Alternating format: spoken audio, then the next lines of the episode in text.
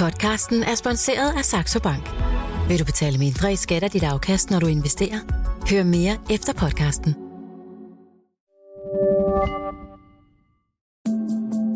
Millionærklubben fra Jørgen Investor med sine Terp.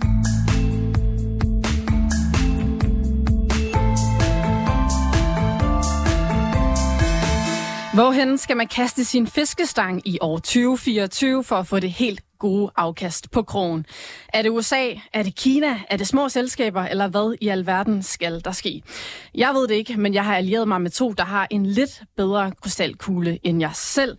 Så velkommen ind i Millionærklubben på en onsdag, hvor vi ser på, hvordan vi kan investere os til gevinster i det nye år, og om der måske er nogle helt særlige ting, der kan kaste markederne op i luften. Dagens panel, det er Simon Christiansen, seniorstrateg i Nordea, og Michael Fris, aktiechef i H.C. Andersen Capital og fast porteføljeforvalter her i klubben. Godmorgen og velkommen til jer begge to. Godmorgen. Godmorgen. Michael, det er dejligt at have dig tilbage. Du har været på øh, lang juleferie. Hvordan ja. har det egentlig været sådan at være væk fra de der pulserende finansmarkeder i et par uger? Øh, det, det, skulle være, det har været fint nok, men det var en lidt vild periode. Ikke? Øh, det er sgu da lidt ærgerligt at være væk i det der all-everything rally. det, var da, det, det var da noget nemmere at stå herinde og være positiv hver eneste morgen. Øh, så, men det, det har været fint nok lige at lige at, at trække stikket en, en, en lille bitte smule, men man vil jo bare sige, at, at, at det har da været positivt nok at stå herinde ved at skyde på, mm. ikke? Øh, fordi at efter fedt der i midt december der, der, der de ligesom fik sat gang i markedet, jamen så var der ikke noget til at stoppe dem før, du kan sige, den her uge, hvor vi skal begynde at teste det for første gang en lille bitte smule. Mm.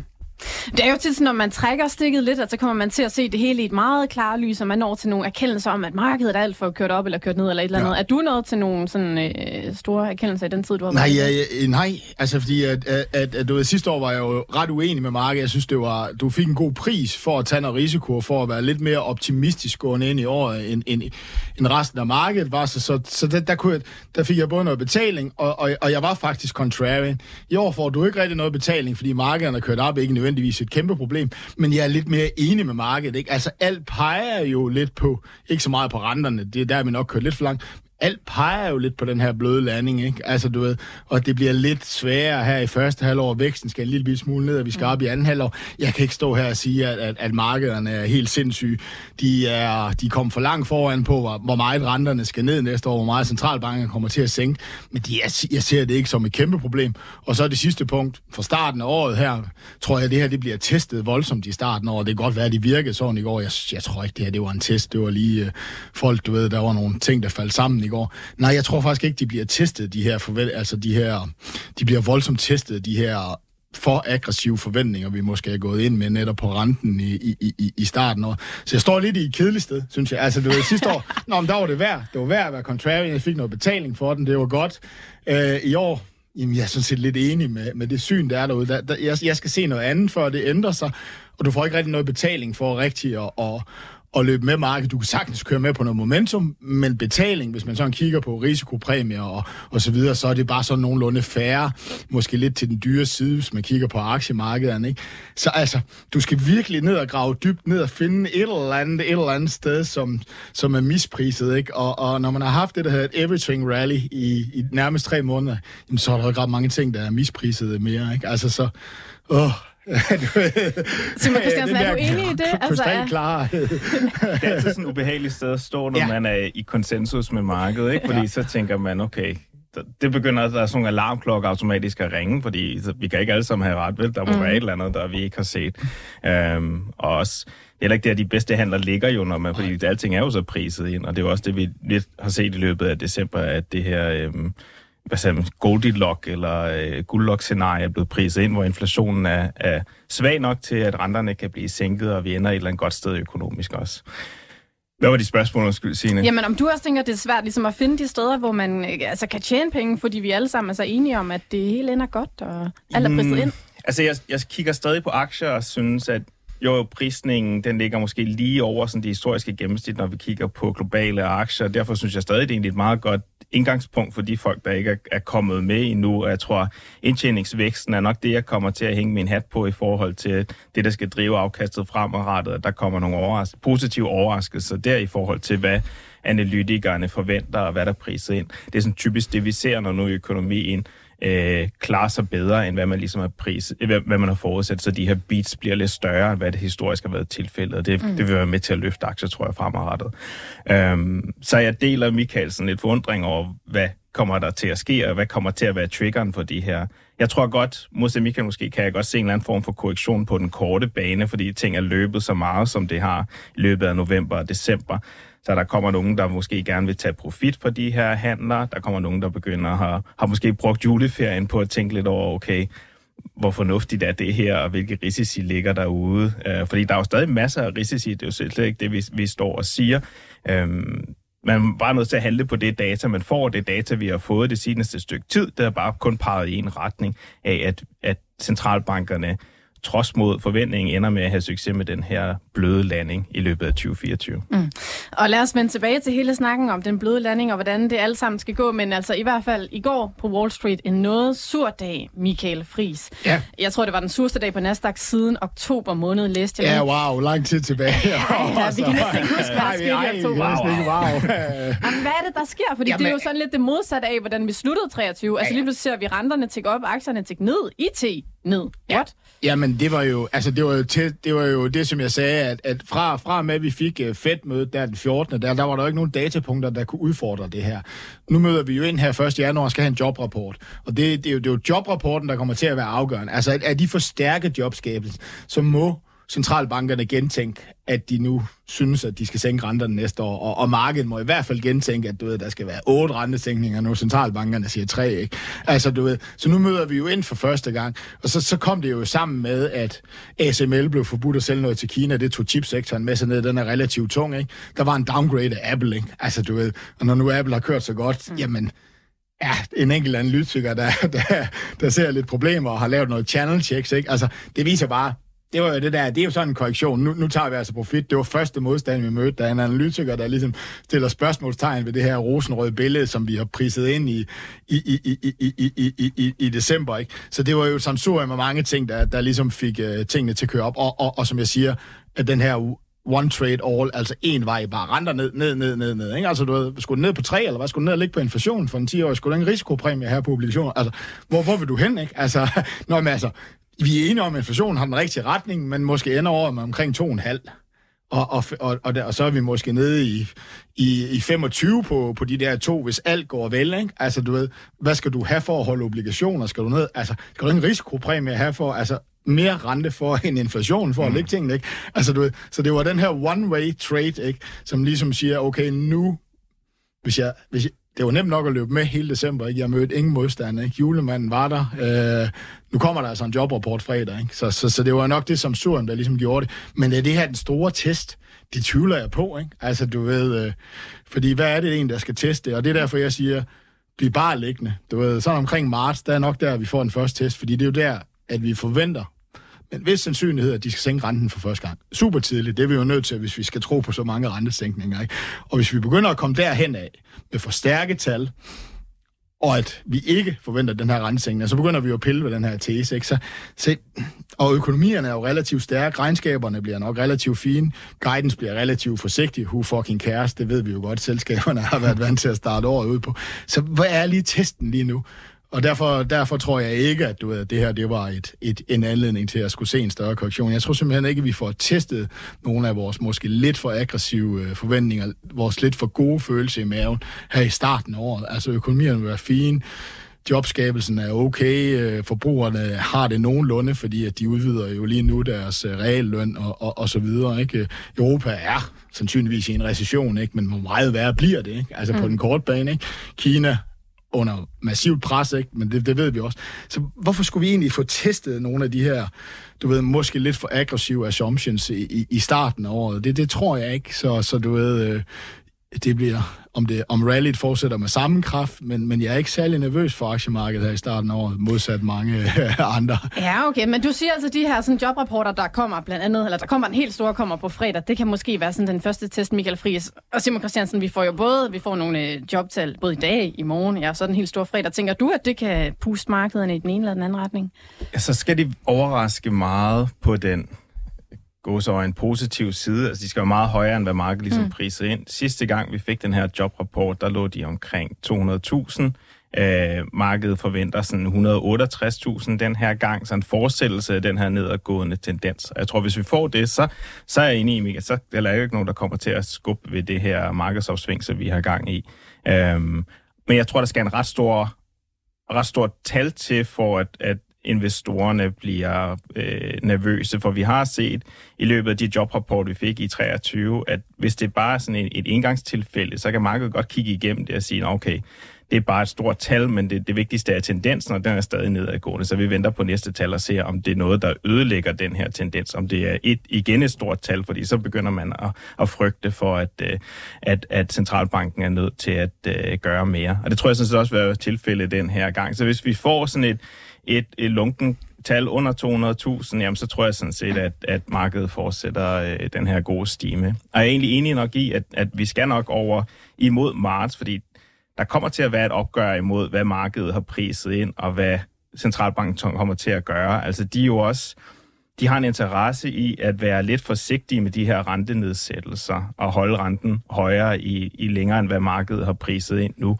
Øhm, og selvom markedet før i tiden har haft ret, ret blandt andet med den her inflation, som de sagde ikke var, var, var midlertidig, men som viser så var ved lang tid, øh, jamen så kommer der et opgør imellem markedet og centralbankerne, at man skal begynde at reprise det i obligationsmarkedet, og det vil også sætte sig i aktiemarkedet på et eller andet sigt. Men hvornår det lige sker, om det først er til marts i forbindelse med centralbanksmøde, eller om det er nogle af de her datapunkter undervejs, øh, det, er svært at, det, det, det er svært at spå om. Mm. Øhm, men vi kan bare se sådan en dag som i går og starten på året, at altså investorstemning er også lidt presset. Altså, ja. der, der er en, en vis optimisme, der har sat sig i markedet, som vi også står og snakker om nu her. Så alle tror ligesom det samme, at det fortsætter med at gå godt, hvilket også betyder, at der skal ikke særlig meget til at få den her båd til at, til at, øh, at øh, blive lidt ustabil, hvis nu vi får et par dårlige data. Så er der nok nogen, der begynder at tænke, okay, måske tog vi fejl, måske kommer der en eller anden form for recession. Og nu Men, sagde du lidt tidligere, at du kunne godt se, at der kom en lille korrektion i aktierne sådan her på den korte bane. Altså, hvor langt ser du, at, at de Altså, når vi snakker lille korrektion, så snakker vi sådan noget 10 eller derunder procent fald over okay. en, en kort periode. Så det er jo ikke, vi skal jo ikke ned i sådan et bærmarked eller noget i den stil, men det, det er et udtryk for, at altså, det vil ikke undre mig, hvis markedet satte sig sådan noget 5% inden for en kort bane. På baggrund af, at det er gået så godt her det seneste stykke tid. Der er nogen, der måske har lidt interesse i at, at tage profit for det her, og fordi investorstemningen er så strukket, som den nu engang er på den korte bane. Og mange af de her sådan, tekniske indikatorer, om man tror på dem eller ej, peger de altså på et marked, som er nogenlunde overkøbt. Ikke? Og jeg tror også, hvis vi nu går ind i 2024, så siger vi, at det er svært at finde noget, der er mispriset. Du, ved, du står her, åh, kom så, hvor skal ja, vi have ja. det store afkast i år? Men der er jo en anden side af den her sag. Da vi stod her øh, sidste år, ikke? altså de mest negative regnede med, at vi skulle omkring 33-3200, nogen med en 3000 i SP 500. Så siger om, vi endte i 4700, ikke? Og de mest optimistiske, de ser så 4500. Prøv lige at se det her spænd. Alle regnede med en recession. Dem, som var contrarian, ikke regnede med en recession, de lå heroppe. De andre, de lå hernede, så vi skal herned. Det var altså et spænd på omkring 40 procent. Det var korrektioner på 30 procent, som du stod og måske kiggede ind i. Du ved, altså, det var det år, som vi stod på, og det var jo også derfor, det blev så volatilt. Ikke? Nu står vi altså og kigger ind i, hvor vi har nogenlunde klaret inflation. Vi kan diskutere, hvor godt vi har klaret vi kan diskutere om renterne, de nu også skal otte gange ned næste år, eller om de skal fire gange ned næste år. Men det, det er et helt andet sted, vi er. Altså det spænd, der ligger i dine forventninger til, hvad, hvad aktiemarkedet måske kan svinge imellem, ikke? det er jo markant mindre og forvente lidt opad, hvis du prøver at kigge på to års sigt, ikke? og prøver at kigge på indtjeningsvæksten, og hvis det bliver en relativt mild recession, hvilket det er svært at kalde, fordi en recession, de er som regel lidt mere blodige, end vi regnede med, når de først går i gang. Men altså, dataene peger på det. Ikke? Så, så er der jo forventninger om en rimelig afkast, og din afgrundsdybe bunde, hvis ting går galt. De er, jo ikke, de er der jo slet ikke, som de var sidste år. Så, så lad være med at misforstå mig. Jeg ser det som et fint sted. Jeg ser det bare også som et sted, hvor du ved, hvis jeg skal prøve at tænke, ej, nu vil jeg lave 20-25 procent i år. Jeg ved ikke ane, hvor jeg skulle gøre det lige nu. Altså fordi, at jeg er så enig med alting, og alting er blevet priset i den retning der. Jeg kan ikke finde ud af, hvor jeg skal være contrarian hen, hvor jeg virkelig skal hente nogle afkast. Øh, du ved, så, så jeg regner bare med et, et rimeligt aktieår, ikke? Altså indtil jeg bliver modbevist, eller at de teser her, de, de viser sig ikke at holde. Øh, så, så det er jo et godt sted det er jo bare det der med, her vil vi gerne i radioen, åh, oh, der er 100% liggende her. der er ikke noget, der er mispriset, vel? Altså, det var det sidste år. Der er bare ikke noget, der er mispriset lige nu. Det går, mm. altså, så er det op, altså, så er det fordi, at, at sådan, vi er lidt for optimistisk. Men det er jo altså ikke det her udsving, hvor hvor du ved, hvor Dr. Doom, han kan stå der og sige, ja, men øh, det skal 40 procent hernede fra. Dem er der nogen af stadigvæk, misforstår mig ikke. Der er nogen, der stadigvæk tror på en recession. Og det er jo, så bliver de berømte, ikke? Fordi så får de kaldt den her eksogene faktor, som vi alle sammen ikke så nogen steder fra, der går ind og vælter læsset, ikke? Altså fair enough. Men det er bare ikke det, det, det, det, du ikke investere efter lige nu, når du kigger på data. Så misforstår mig ikke. Vi er et rimelig godt sted i aktiemarkedet. Vi er jo bare et sted, hvor det er priset, ikke? Altså, du ved, så... Og, og det gode nyhed, det er, at, at du ved, at ah, det bliver... En, altså, du skal virkelig være risiko... Altså, du kommer ikke til at se de her kæmpemæssige udsving. Du kommer ikke til at forvente, og, og at, at du ved, at åh, skal vi nu ned, skal vi nu 30 procent ned herfra, og så videre. Altså, det er vi jo bare, den, den periode er vi ligesom over, og det er da en rar ting at være i, ikke? Altså, du ved, at så alt er priset sådan nærmest til perfektion. Ja, ja, men altså, det er da ikke det værste sted at ligge. Nej, nej man får bare lidt PTSD, når man begynder at snakke om de der ting, ja, ja. og sådan sige, at uh, nå, okay, nu er alting overstået, ikke? Nu, nu bare god tid herfra. Men jeg er enig i, de laveste, altså, de laveste hængende frugter er jo nok blevet plukket. De er blevet plukket, ja. der, der er nok stadig nogle muligheder derude, hvis man kigger på nogle af de ting, der blev savet ned i løbet af 2023. Øhm, øhm, og nogle af, altså særligt på sådan faktaniveau, er der også nogle ting, der har kørt i altså 10 år nedad, for eksempel small versus large og value versus growth og sådan nogle ting. Ikke? Men men ja, øh, jeg vil sige, hvis vi også får et gennemsnitligt aktieår på sådan noget 9% eller 10%, så tror jeg også, man skal være glad for det. Mm. Øhm, og det er måske også en meget god lærdom til investorer generelt, at altså, markedet bunder lang tid før økonomien gør det, og det så vi i løbet af 2023, og nu er vi på sådan en eller anden, øh, længere, nu er vi på en eller anden form for bullmarked, som nu har kørt i en, en 15 måneder eller deromkring, ikke? De kan køre i rigtig lang tid. Vi så et efter finanskrisen, der kørte i 11 år. Øhm, hvis vi kigger på sådan data tilbage fra øh, 1942 og så ind til nu, hvilket er lidt sjovt, men det var lige det, jeg havde data for. Jeg kiggede på det, ja, okay. Nej, jeg kiggede på det den anden dag. Men altså, i alle de år siden 1942 og så ind til nu, så faktisk i 80 procent af årene har man fået et positivt afkast på amerikanske aktier. Det er kun i 20 procent, hvor man har fået et negativt årligt afkast. Mm. Så altså, det er rimelig gode odds, hvis vi kan sige det sådan. Nu, investeringer er jo ikke gambling, men det, altså, det, det, det, god lærdom at have med, når man investerer, og, og 2024 kommer nok til at være et år, der underbygger den tese, at det går mere op, end det går ned på investeringsmarkedet. Og det er også okay, at det bliver et, øh, et, et gennemsnit eller lidt derover år. Yes. Og selvom I sådan begge to har lidt svært ved, eller i hvert fald dig, Michael, lidt svært ved at se, hvor man skal hente de, de store penge i år, så skal vi altså kigge lidt nærmere på det senere i udsendelsen. Men det er onsdag, det er Millionærklubben, hvor jeg i dag har besøg af Simon Christiansen fra Nordea og Michael Fris fra H.C. Andersen Capital. Og hvis du har spørgsmål til os, så find din telefon frem og send os en sms. Nummeret det er 42 42 03 21. Du skal bare huske at starte din besked med Mio.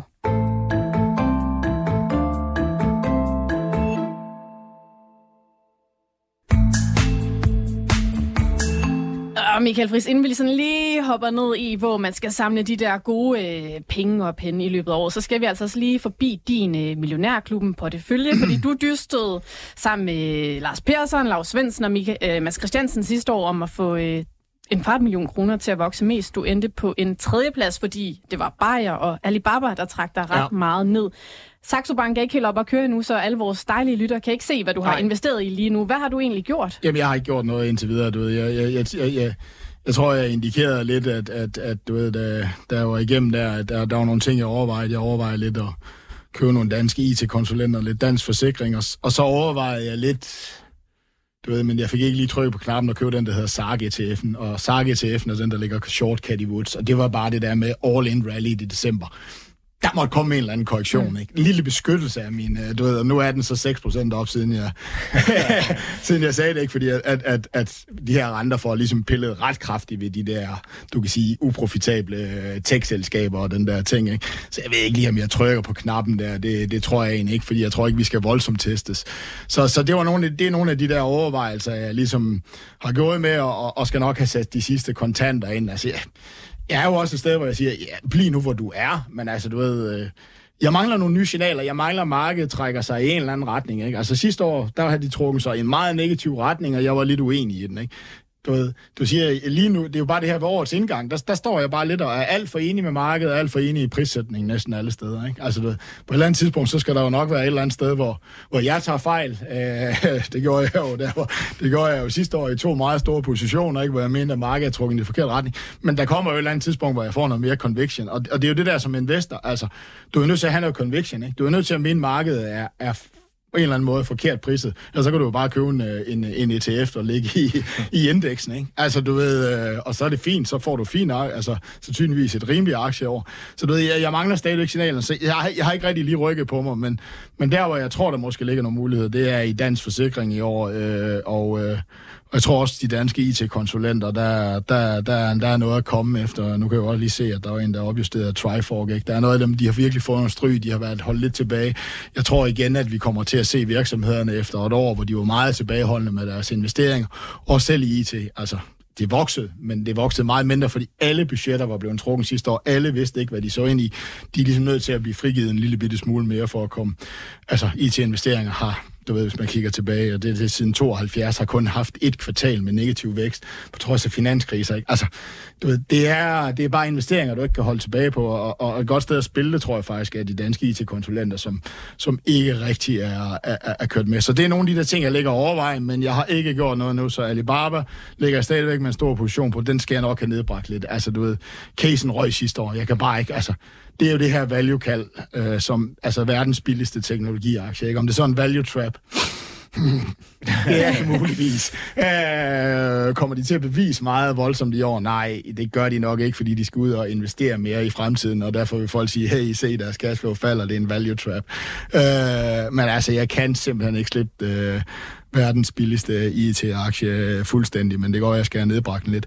Bare det bliver et år, hvor han skal køre en bulldozer ind igennem den virksomhed ned i Tyskland. Ikke? Altså, der er nogle muligheder, men der er også nogle farer. Måske skal de dividenden væk. Så derfor ligger jeg relativt begrænset. Så min helt store positionering forventer jeg at blive nogen nordisk ind i år. Ikke? Altså, du ved, øh, det er jeg synes, det er, det er, det er, det er sådan lidt en all-weather. Uh, du ved, det må man sige. det er lidt en all-weather, og, og det er ikke, fordi vi ikke kan diskutere om amerikansk valgkamp og priserne og så videre der, men, men du ved, jeg tror på, at de kommer til at overraske på indtjeningsvæksten, og ja, når hvis de gør det, så er prissætningen, den lidt høje prissætning nok ikke et problem, ikke? Og, og det er sådan en, en all-weather, hvor vi både kan have en case på det her fedme, og det er en unik aktie, og vi godt kan, og vi kan fortsætte med at tage den op, øh, og så er det så også lidt en all-weather, skulle vi nu tage fejl, ikke? Altså, vores rosenrøde billede her. Du ved, det var det der med hele... Altså, alle siger jo det, når vi ikke når der er ingen, der snakker, når alle snakker om recession, så kommer den ikke, fordi alle er så forsigtige. Centralbankerne sidder på stikkerne. Den første lille bank, der fejler, så fræser de penge ind i markedet. Ikke? Nu begynder vi alle sammen at sige, det går pisse hammerne godt. Det er jo her, det bliver farligt. Ikke? Jo, altså, du ved, øh, så, så, så, det er sådan lidt en all så det, så det bliver den. GN og IS, som jeg også ligger med, jeg synes, GN er er kommet godt med at leve de her faldende renter, der ligesom har gjort den, ikke? Øh, og det bliver lidt, GN bliver lidt afgjort af, den, den er cyklisk på grund af deres audiodivision lidt om, omkring tingene, men jeg synes egentlig også stadigvæk et fint sted. ISS er også et fint sted at ligge, så, så øh, ja, der, du bliver jeg, liggende, Michael Friis. Jeg bliver, ja, jeg bliver liggende. Jeg skal flytte lidt rundt, og så skal mm. jeg købe noget dansk øh, IT-konsulent, og skal jeg købe noget dansk forsikring. Det går, jeg lyder hammerende kedeligt, men, men der er ikke, altså du ved, super mange spændende virksomheder derude. Du fortæller mange spændende historier omkring uh, innovative virksomheder og så videre, men, men, men de er sat med også priset til, til nærmest perfektion, ikke? Altså du ved, så, så jeg ved ikke, om jeg egentlig gider at gå så langt ud på risikokogen i år for at prøve at hente noget der. Hvad med sådan lidt mere cykliske eller sådan høj beta, sådan noget industri og den slags ting? Jamen, jeg, jeg, jeg, jeg kan godt se casen i den. Øh, jeg, vil hellere, jeg vil hellere gå i, i midcap-segmentet så, altså, og, og så finde noget mere interessant strukturelt dernede, fordi det er det, jeg tror på. Jamen, hvis jeg skal være helt ærlig, så siger jeg, at jeg kan ikke modstride markedet lige nu. Men, men jeg sidder også sådan lidt og siger, at de her renteforhøjelser, nej, og nu er de også kommet ned, vi har fået sænket risiko for en recession, men de har jo lange ben, altså long and variable legs. Altså, ja, ja. Ved, jeg, jeg, jeg, jeg tror stadigvæk godt, at, at, at du ved, at, at mit baghoved derovre, de siger, at, at nu er der ingen, der venter det, og det er derfor, at der, altså, der skal ikke ret mange eksogene chok til, for at, at vi kan komme nærmere en recession. Så jeg, jeg, jeg er ikke helt tosset med det. Jeg forstår godt, at, at man skal handle, fordi det er jo, der er måske en lille misprisning, hvis vi får ret i den her bløde landing. Ikke? Men jeg kan ikke få min eget hoved med. Altså, jeg, jeg giver markedet ret. Jeg har ikke lyst til at udfordre det i år, men jeg ved ikke, om jeg er enig i, at det bare bliver en blød landing i år. Nej, okay. Yes. Vi skal videre og se på investeringsåret 2024. Fordi vi står med benene i et nyt år på de finansielle markeder, og som altid, så kan alt ske. Men hvad ser de professionelle egentlig, når de kigger i krystalkuglen for investeringsåret 2024? Det skal vi blive lidt klogere på nu. Og Simon og Michael, nu kaster jeg en masse sådan enten eller spørgsmål i hovedet på jer, og så tænker jeg, at vi bare sådan, uh, tager den stille og roligt derfra. Så lad os starte sådan helt fra toppen. 2024, bliver det aktier, eller bliver det obligationer, der er bedst? Simon Christiansen. Aktier. Aktier. Okay, og hvorfor det? Fordi jeg synes, jeg læser flere steder, at det bliver, det kan godt være det her, det bliver obligationernes år. Vi får måske nogle faldende renter, der kan understøtte nogle kurser på obligationerne, og det ene og det andet. Ja, jeg tror også, der er, altså særligt i sådan traditionelle lange statsobligationer kommer til at levere et, et fornuftigt afkast, og investment grade også for den sags skyld. Emerging markets også måske high yield en lille smule dyrt ud i forhold til spændende. Men du skal jo se det relativt til dit andet det andet sted, du kan sætte pengene, og i aktier, hvor du både har en muligheden i hvert fald for at, øh, at få en eller anden form for øh, øh, øh, øget værdisætning, men, men særligt den her indtjeningskomponent, tror jeg, kommer til at drive det, hvor at i en obligation, der får du jo bare det her carry fra renten, kan man sige, altså udbetalingerne. Så jeg tror, afkastpotentialet er klart størst på, på aktier i forhold til obligationer, men jeg tror, begge dele kommer til at levere et positivt afkast. Og jeg tror også, at obligationer kommer til at levere noget af den her diversificering, som vi så blandt andet i løbet af marts med finansuroen over i USA med, med Silicon Valley Bank og så videre. Okay. Faktum er, at du kan eje obligationer igen, men jeg tror, hvis, hvis du skal kalde, hvem der skal, altså, når hvis du skal kalde sådan, også risiko i stedet af afkast, så skal du tro på en recession. Altså, ja. Du skal tro på, at de her rentesænkninger, de bliver 8, men det bliver ikke 8 positive for aktier. Altså, du ved, det bliver, fordi at, ups, øh, økonomien falder vi, vi fik sgu lige stramme lidt for hårdt, og det, det er jo det der med, at, at de folk, der kalder en recession, de minder os folk om, ja, renter, de er kommet ned, det er inflationen, ed og rømmer os. Det vil jo sige, at realrenterne, de er faktisk relativt restriktive, hvis du kigger tilbage historisk set, og du ved, det kan muligvis trække økonomierne et, et, et dårligt sted hen. Øh, så du ved, du skal, næst, du, skal, du skal ligge i den lejr, hvor du siger, ej, de er helt forkert på den derude, økonomerne og markedet lige nu, øh, i deres prissætning ikke? Øh, af, af, af risikoen for en recession. Ikke? Og det, det, der er jeg ikke. Øh, jeg ser en risiko for det, men jeg er der ikke sådan, at du ved, at jeg har, jeg har tænkt mig at tro, at, at det er der, jeg, jeg skal investere hen efter og sige, de tager fucking fejl, nu kommer der en recession, man lader mig være Dr. Doom. Og det er jo den eneste måde, obligationer kan slå aktier på, sandsynligvis i år. Men hvis man så tænker, at alle de der kloge mennesker på Wall Street, de tager fejl, Simon Christiansen, hvor vil du så sætte ind og købe obligationer henne, hvis du skulle gøre det? Hvad vil du i det hele taget købe? Altså, tror jeg, vil, altså, jeg tror, jeg vil købe nogle af de lidt mere sikre. Hvis det var min tese, at øh, der kommer en recession inden for den nærmeste fremtid, så vil jeg købe det sikre af det sikre. Så vil jeg købe statsobligationer nok med en lidt, lidt længere vejhed, hvor du stadig kan få et eller andet form for fornuftig øh, rente og øh, fornuftig vejhed, ja, hvis det helt skulle falde fra hinanden. Mm. Okay, ja. så there så det er, is... det er jo nok lange amerikanske statsobligationer. Der er jo nogle ETF'er, man kan købe det, ikke? Danske danske realkreditrenter vil nok også være fint, fordi det vil jo være rentesænkningerne, der giver dig afkasten, ikke? Altså det vil jo være det der med, at ups, det gik sgu galt det her. Vi er nødt til at, du ved, sænke renterne i, i en lidt større hastighed, som vi jo nu har skabt os mulighed for. Mm. Altså, du ved, ja, den der her... er en mulighed for at give det her, og, øh, give det her boost ind til økonomierne, ikke? Det var der jo ikke for et års tid siden, at de var i nul, vel? Så, så, du ved, øh, så, så det er jo relativt lange øh, rentefølelser, man, man skal gå efter der, hvis det er den, den man har, ikke? Så det er jo lange, sandsynligvis amerikanske stater. Jeg vil skyde på, at Europa ser endnu værre ud end USA, og det vil jo sige, at at der tror jeg, at renteforventningerne vil komme endnu mere nedad, ikke? og det vil sandsynligvis styrke dollaren, så du ved, så det vil jo i, altså, Går vi i en recession, så husk på, at alle penge søger hen, hvor det er været verdens sikreste sted at ligge, det er USA. Så, så du vil egentlig også være rimelig beskyttet i din dollar henseende. Og det vil jo være, hvis du køber amerikansk statsproduktion, så skal du også lige huske på, at du tager en valutaeksponering. Mm. Ikke? Så det vil nok være det, vil være det der med, at man siger, at de tager fejl. Det er, når de alle ikke tror det, at det kommer, det kommer. Og, og, og, og tro mig, altså, du kan sagtens finde støtter for det, ikke? Altså, at der er en recession på vej. Jo, jo, helt sikkert. Ja. Okay, så jeg hører jer sige sådan aktier over obligationer. Hvis vi så kigger ned i de der aktier, skal det så være uh, small cap, eller skal det være large cap? Altså, skal det være de små selskaber, eller skal det være de store, Simon Christiansen? Jeg har været haft en vis fidus til small cap i løbet af de seneste halve år, måske, eller noget i den stil. Fordi når du kigger på værdisætningen relativt til large cap, så er vi altså nede i sådan noget, der hedder to standardopvielser fra deres normale. Altså det vil sige, de, de er virkelig De er billige. billige. At de er billige i en historisk kontekst. Altså som i, de har kun været hernede en gang før i sådan nyere tid. Her snakker vi måske 20, 30, 40 år tilbage eller noget i den stil. Der går din tidsregning ikke tilbage til 1942. Nej, de her indeks, 72, faktainvestering er jo ikke så, helt lige så gammel som, øh, som alt det andet. Øhm, men så, så fra sådan værdi, nu snakker vi helt om de her lavt hængende frugter og så videre, mm. noget, der er mi- mispriset, og her kunne der rent faktisk være noget, der er en lille smule mispriset. Problemet med small cap, øh, som jeg ser det i hvert fald, der er et indtjeningsproblem i forhold til, at den er ikke helt kommet tilbage, når vi kigger på momentummet, så er det lidt bedre i large i forhold til i small. Og så er der et spørgsmål om de her rentestigninger.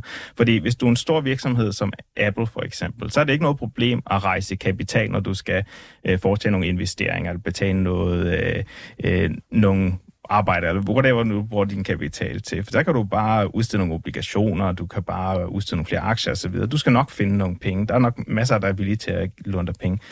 For en amerikansk small cap virksomhed, eller europæisk for den sags skyld, så er det altså lidt et andet. Så skal du altså mere ned i banken, og der mm. er det altså lidt en anden rente, du møder end ude på de likvide finansielle markeder. Du har ikke det helt de samme muligheder for at, at rejse kapital, hvis du har behov for det. De bliver i højere grad ramt af de her rentestigninger øhm, end øh, end, end de store virksomheder gør, og har ikke været lige så gode til sådan at rulle de her, den her gæld videre. De får måske nogle kortere øh, løbetid på deres lån, det vil sige, at de skal hurtigere fi- ud og finansiere det igen, og så rammer de de her høje renter på en anden måde, end de lange gør, og det, end de store virksomheder gør. Og det, det tror jeg er der, hvor vi ikke helt har set den fulde effekt af rentestigninger endnu, så derfor er jeg lidt... Øh, vi er endnu ikke gået overvægtige i, i, hvad hedder det, i small cap, men det er noget af det, vi kigger på, som det kunne blive sådan et tema i løbet af 2024. Og når du siger sådan overvægt i small cap, altså vi har jo for eksempel det her Russell 2000-indeks, der amerikanske, som er sådan small cap. Altså hvad, hvad er det for nogle steder i small cap, du vil gå ind? Er det noget specifikt? Nej, fordi du får lavet en vis sektoreksponering, du skal være opmærksom på, hvis du køber small cap kontra large cap. Ja. Der er en grund til, at large cap, der er det jo, altså, nogle teknologivirksomheder ligger der i højere grad. I small cap er det måske mere sådan industri og, og energi og finans og den slags ting, du bliver eksponeret for. Så der, der er bestemt noget sektoreksponering, du skal være opmærksom på. Og selvom jeg godt kan lide de cykliske sektorer, vi har blandt andet en overvægt på industri, og det får du noget af, mere af i small cap, så, så kan jeg også bare se, at, øh, at, det er lidt for tidligt i forhold til den her type virksomheder, kvæg den, de her rentestigninger, som kommer til at have en større effekt på dem. Altså problemet er jo lidt, at skal vi tro på markedet, ikke, så er det jo nok faktisk i, en gang i foråret, du skal ind i, i, i, i, i small cap. Ikke? Altså du ved, hvis den økonomiske vækst forventelig bøjer af, ikke? altså er i gang med at bøje af og, og skal nedad i første halvår, så laver vi hængekøjen, ikke? den berømte hedgehockeysstav, ikke? som vi alle sammen er så gode til at forudsige, fordi så går der seks måneder, før vi, vi, tager, vi tager fejl. Ikke? øh, jamen, så er, de jo, så, så, så er det jo ikke der, hvor investorerne, de, de, du ved, så skal det jo være den her super optimisme om, at markedet tager fejl, du ved, at den økonomiske vækst bliver højere, ikke? Mm. så kommer renterne også ind, hvor de er mere rentefølsomme, ikke? Altså, du ved, det er jo, small cap er jo bare bedst sådan, som den der laggert, du ved, når, når vi alle sammen er blevet enige om, og, og verden ser lidt mere stabil ud, så begynder vi at sige, hold kæft, hvor er de billige, ikke? Og så begynder vi at købe dem over en lang tid. Og spørgsmålet er, om det bliver første halvår, øh, hvor, hvor, hvor, der, hvor vi jo tvivlsomt ser en eller anden afbøjning. Det kan godt være, at den bliver lidt mindre, end vi regner med, eller bliver stejlere, og vi skal til at snakke recession og uge her og så videre. Men, men, men, men trenden er jo nedad, og indtjeningsvæksten er sandsynligvis heller ikke i, i nu være sindssygt imponerende i, i de der sektorer der. De er jo stadigvæk i en lagercyklus, som er, som er relativt svag for dem. Ikke? Så spørgsmålet er jo om, er du, er du en toårig investor, eller er du en tre måneders investor? Ikke? Altså, du ved, der er, ikke, der er ikke lige noget, der peger på anden, at hvis vi er et bedre sted i markedet, og den økonomiske vækst, og vi er i starten af et bullmarked, så er der jo så er der en misprisning her i, øh, i, i, i small versus large cap. Ikke? Uh, men, Jo, men det- sådan rent taktisk her de første par måneder, Der er du ikke overbevist. Jamen altså, det, det, der er ikke noget, der peger på det, hvis vi skal være enige med de trends, der ligger ude i markedet. Nej, det er også der, hvor det er også grunden til, at vi ligesom ikke helt har, har trykket på aftrækkerne endnu, men jeg kan bare se på værdisætning. Altså det er også det er bare noget af det, der gør mig sådan lidt fortrøstningsfuld, fordi så har du en eller anden form for downside cover der, ikke? Altså, du, mm. du er lidt begrænset i, hvor meget billigere de kan blive, fordi Alibaba. de er blevet trykket. Hvad? Ja, min Alibaba jo. Ja. value, deep Nå, value. Nej, nej. Det bliver billigere.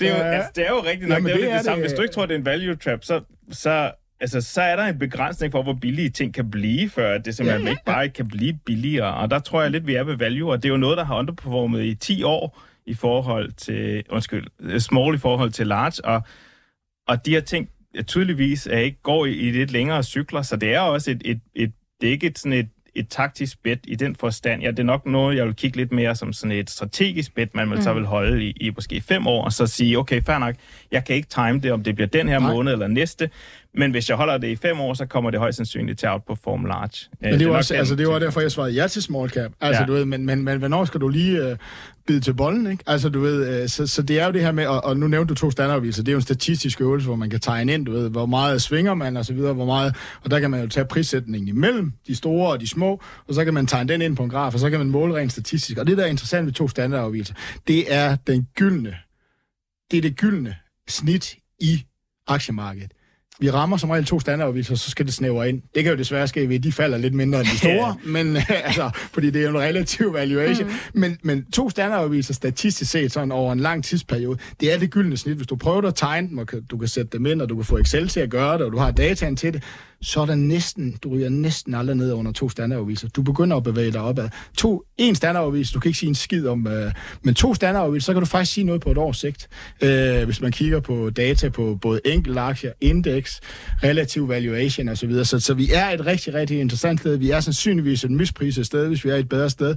Problemet er bare taktisk. Øh, hvad fanden er der, skal få folk til at skifte væk fra det, der virker, over til det, der ikke har virket? Ikke? Altså, Nej, det, skal være forsikringen om, at, at økonomien kommer til at klare sig fortsat godt, ikke? og ja. måske endda bedre, end hvad der er priset ind nu, fordi ja. det er typisk i, i det her økonomiske opsving i tidlige stadie, at, at small class er bedre end, end large, som I kan også sige.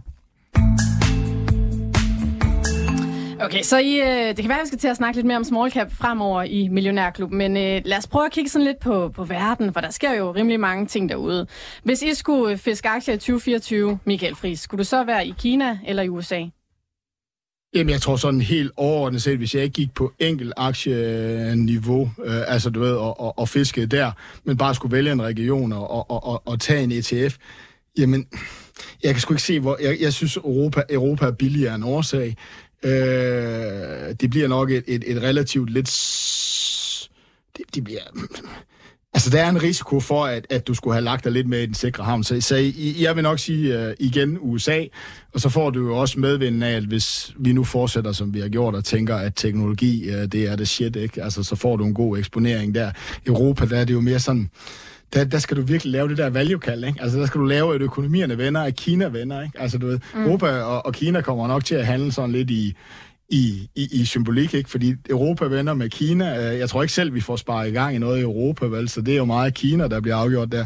Kina, jamen altså, der er ikke noget, der tyder på i hans første nytårstale, at han ikke vil lave et opgør med den her ejendomssektor. Ikke? Han vil acceptere lavere væk, for nu skal han have ryddet op. Ikke? Så det bliver også sådan et modeling true år, og derfor skal du ligge i i enkelte cases i Kina, du skal ligge i enkelte cases i Europa, fordi, altså, who fucking cares? Altså, du kan tage sådan noget som, som Schneider eller Siemens, ikke? Altså, de har 98 procent af der, de har 90 procent af deres, øh, deres salg uden for Europa. Who cares? Det kan godt være, at den, den ligger på en europæisk børs, det er en europæisk virksomhed, ikke? Så det er jo det, man altid skal passe på. Men du ved, hvis jeg skulle gå op og købe sådan et indeks, så vil det nok stadigvæk med mit syn, som stadigvæk ikke, jeg ønsker ikke at handle direkte imod det, som markedet tror lige nu, for jeg tror ikke, det skal testes, men jeg er ikke helt enig i det.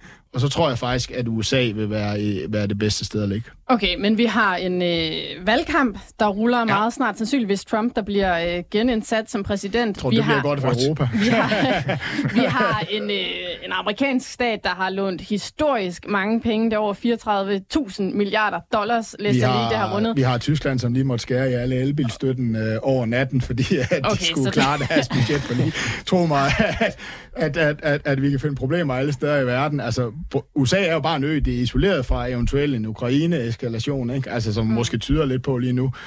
Øh, de, har, de har en overskud af, af olieproduktion lige nu, så hvis Mellemøsten den ligesom kommer, altså de er oliefølsomme, men, men, men vi er mere oliefølsomme. Så du de der sådan lidt eskalerende eventuelle øh, geopolitiske risici, det kommer USA også bedre igennem, og får vi en øh, forøget geopolitisk risici, så bare spørg, hvad, hvad investorerne køber. De køber amerikanske statsobligationer og presser dollaren op, ikke? Altså, så du ved, øh, vi kan nævne mange, mange problemer i USA, okay. men det kan vi desværre også mange andre steder yes. i, i verden. Michael, du er all in på USA. Nej, hvad, hvad, hvad med Simon Christiansen? Nordea, er I også uh, totalt uh, øhm, USA-fans? Nej, ikke rigtigt.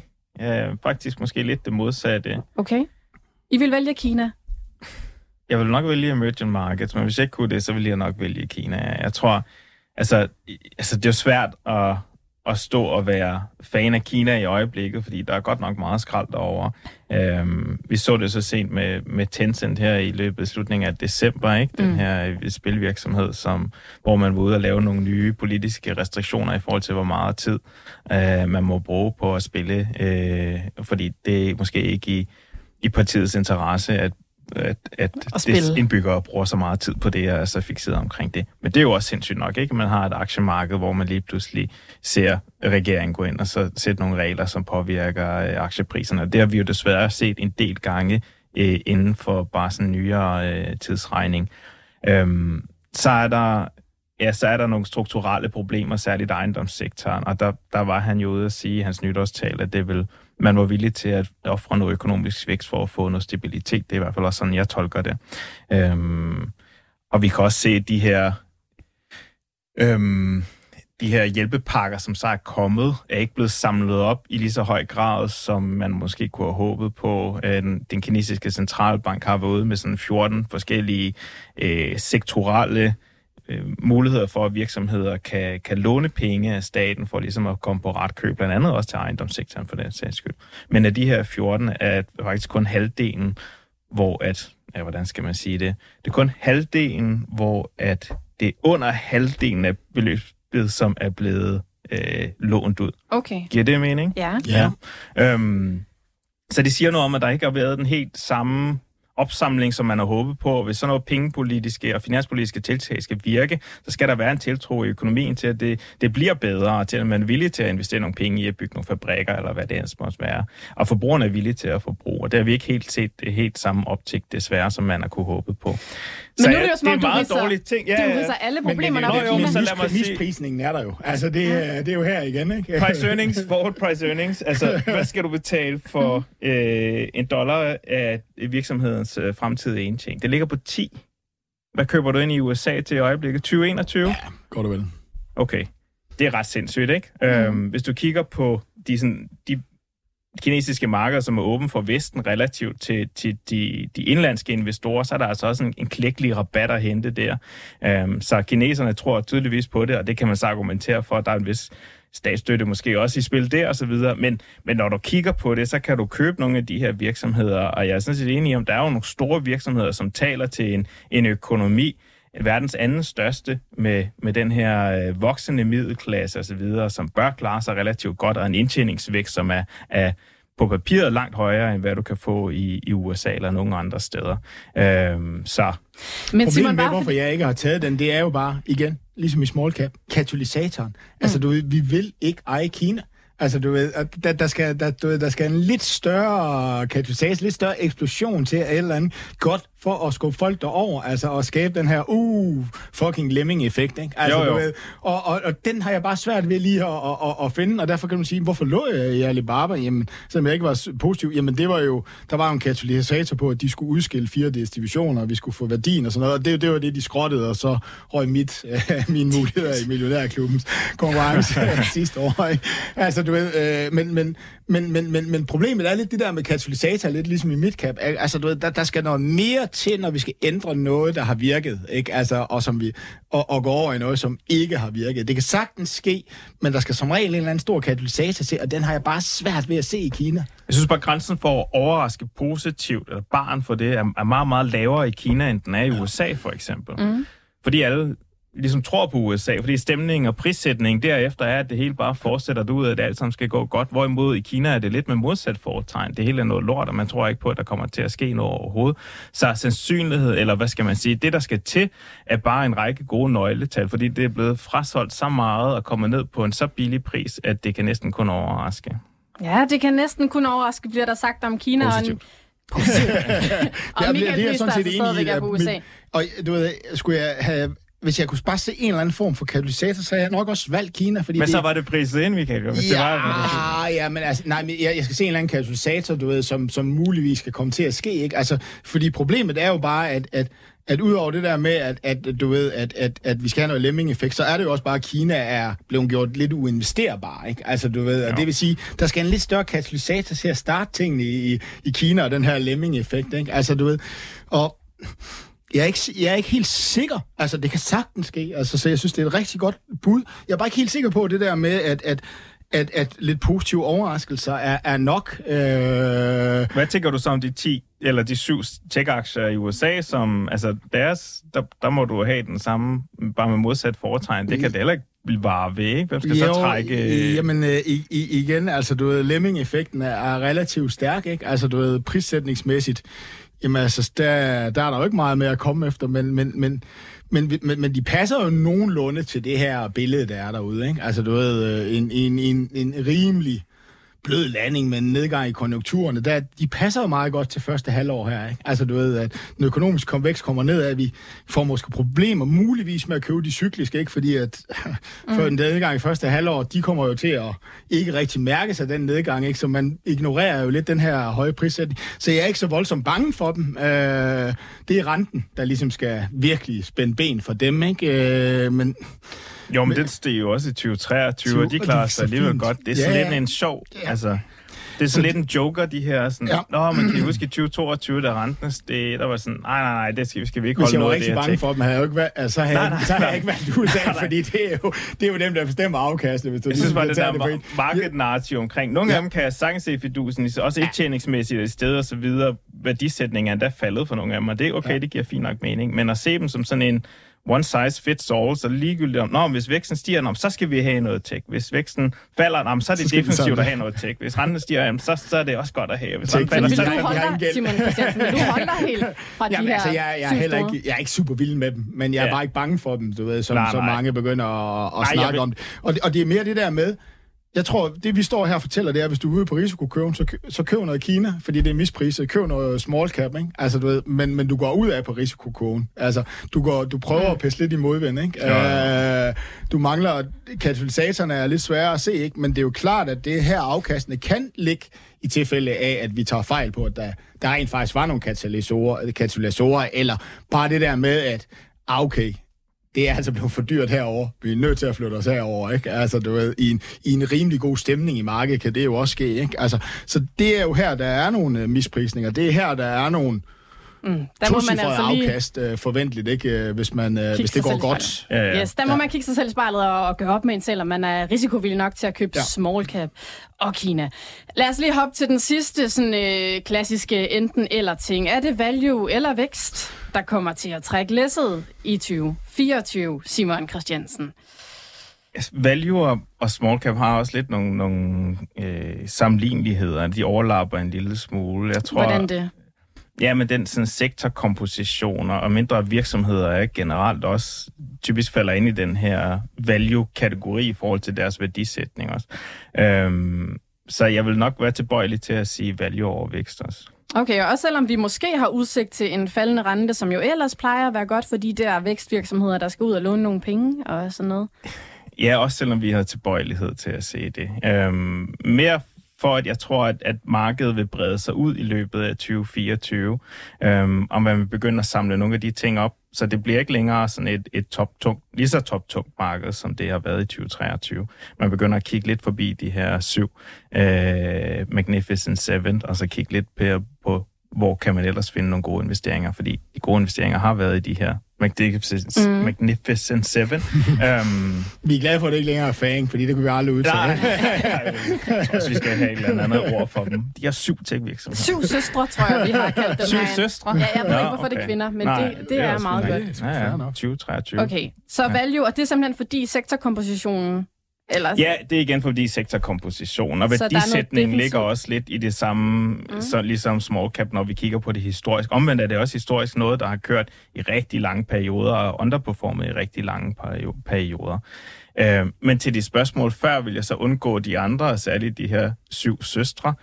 Nej, det vil jeg ikke. Altså, det er ikke, det er ikke sådan, man skal se det, fordi så ja, den strategi, jeg står og snakker med jer om nu, den, den, den, den styrer også øh, omkring 30 milliarder af Nordeas investeringsprodukter. Så, så det vil fuldstændig smadre vores performance, hvis vi undgik det. Så du skal have dem, men du har altså også bare kæmpe stor eksponering til dem ved at have en global eller en amerikansk fond, så med at gå ud og tage mere, vil jeg være det påpasselig med. Der vil jeg være meget selektiv i hvert fald. Okay. Michael Friis, øh, value eller vækst, og hvis du kan holde det ganske kort, for vi skal væk, også lige vækst nå start, Vækst i starten af året, fordi der, det er det, faktorerne peger på, øh, og value Hvad hvis du ser som hele året som... Value? Ja, value. Oh. Jamen, så er I jo enige. Okay. Så I har været sådan lidt, lidt uenige om noget region, om noget øh, ja, small, large. Ja, men altså, ja, der er der nogle retninger. Godt. Vi har fået et par spørgsmål ind fra sms'en, og hvis du lytter med og også har et spørgsmål til os, så kan du også lige nå at sende forbi os nummeret. Det er 42 42 03 21. Du skal bare lige huske at starte den der besked med Mio. Og Pau, han har lyttet med Simon Christiansen, og han skriver, har Simon et bud på en ETF i Kina? Og det ved jeg ikke, om du har, men vil det være en ETF, du vil gå ind med i Kina, eller vil du sidde og plukke enkelte aktier? Nej, jeg vil nok gå ind med en ETF i stedet for at plukke enkelte aktier, men du får jo også Altså, man skal jo være øh, opmærksom på, at det er jo også et, et indeks, som ikke måske er lige så diversificeret som nogle af de andre indeks, man kan få adgang til. Så du får også nogle... Altså, der er jo også noget, noget tech-tungt i det i sig mm. selv, ikke? Den måde, det er skruet sammen på. Øhm, men nej, der, der vil jeg ikke sidde og plukke, fordi det kan, som vi så med, med den her Tencent-historie, så kan det være meget enkeltaktie ting, der kan gå ind og, og blive ramt. Altså den her, man kalder det idiosynkratiske risiko, den er rigtig stor. Altså sandsynligheden for, at de lige kommer med et eller andet, der så kunne ramme en specifik sektor, den er til stede, det må vi bare anerkende. Øhm, så jeg vil nok tage en bred tilgang til det, og så sige, fint nok, så holder jeg det, så tror jeg, at det bliver en af øh, 2024's vinder, ligesom uh, sådan østeuropæiske, den type emerging market har været vinderne i løbet af 2023, og så, øh, så ligger jeg en lille position i det, så når maks 10% af porteføljen, og så håber jeg, at det går godt. Okay, så maks 10% af porteføljen i ja, noget vil, ikke, Kina ja, emerging 100, markets? Ikke, ikke mere end det. ETF. Og du har jo noget allerede i forvejen. Michael, har du en god uh, ETF jamen, i altså, Kina? Du plejer jo at sige Alibaba, fordi så får du Nå, uh, sådan ja, lidt ja, men det er, det er jo, altså hvis du køber nogle af de store der, så køber du en kinesisk økonomi. Du køber noget, du køber noget, som selv siger, idiokratisk risk. Altså det, det fancy ord for, at når han står ud med det forkerte scene af sengen og siger, du skal fandme holde op med at sælge det der, ikke? Men altså, så, så, så du ved, jeg ejer den, og så ligger ejer jo også CraneShares Internet uh, øh, ETF'en, ikke? Den, der hedder KWEB, KV, øh, KWEB, uh, øh, en ETF, som, som også USA skulle kendt, og som er den store, ikke? Og du får egentlig en ret bred eksponering mod Kina-økonomien. Øh, er der andre steder i Kina, jeg måske synes var mere interessant, den grønne omstilling og, og elbilerne og så videre? Ja, men det er bare rigtig, rigtig svært at købe øh, Kina enkeltaktier. Ikke? Du, du har ikke ret gode muligheder for det. Så det er den, jeg ligger med, og jeg tror, det er en rimelig godt. Altså, den er jo også 60% nede fra toppen. Mange siger jo 60% nede fra toppen. Det har altid været et godt sted at købe Kina, ikke? Så ligesom vi kender to okay. standardafvielser. Og det er den også. Så du ved, det var, det var nok, hvis jeg skulle bruge en ETF, hvilket jeg vil passe lidt på med i Kina, så var det den, jeg vælger og har en lille bitte smule af øh, kvæben KWEB. KWEB, yes, således altså et svar til Pau. Vi har også øh, fået spørgsmål ind angående Mærsk, der stiger øh, 5% her øh, i dag, og stiger også i går. Hvordan I ser på, på den aktie, og nu er det jo øh, Lars Svendsen, der plejer at være den helt ja. store fortæller for den, men Michael, du har sådan et halvt, et halvt minuts penge. Jamen, jeg har et halvt minuts penge. Ja, altså, så, altså, Jamen altså, pas nu på, vi så altså, altså, så længe de her forsinkelser, de bliver flere og flere, så kommer vi jo til at se nogle fragtrater, der holder mere gennem hele året. Så det er jo i orden, at markedet kører det lige nu. Men lige nu, der er det jo taktisk trade. Altså, hvor lang tid, hvornår får vi den koalition, hvornår får vi ro på, på det her stræde hernede? Hvis det var en måned, så bliver Mærsk godt køb i år. Hvis det var 14 dage, så er det sandsynligvis været et godt sted lige at jagte de hurtige penge her for at starte af. Men det er ikke der, du skal ud lige om lidt og sidde og gameplay lidt nej, Nej. nej. Yes. Således sætter vi altså et punktum for årets anden udsendelse af Millionærklubben. Tak til Simon Christiansen, seniorstrateg i Nordea, og Michael Friis, aktiechef i H.C. Andersen Capital. Og selvfølgelig også tak til Alex Brøndbjerg, der fik det hele til at køre ud fra teknikken. Det er altså sådan en dag, hvor vi er nede af 0,2 procent i Danmark. Vi må se, hvordan det hele ender.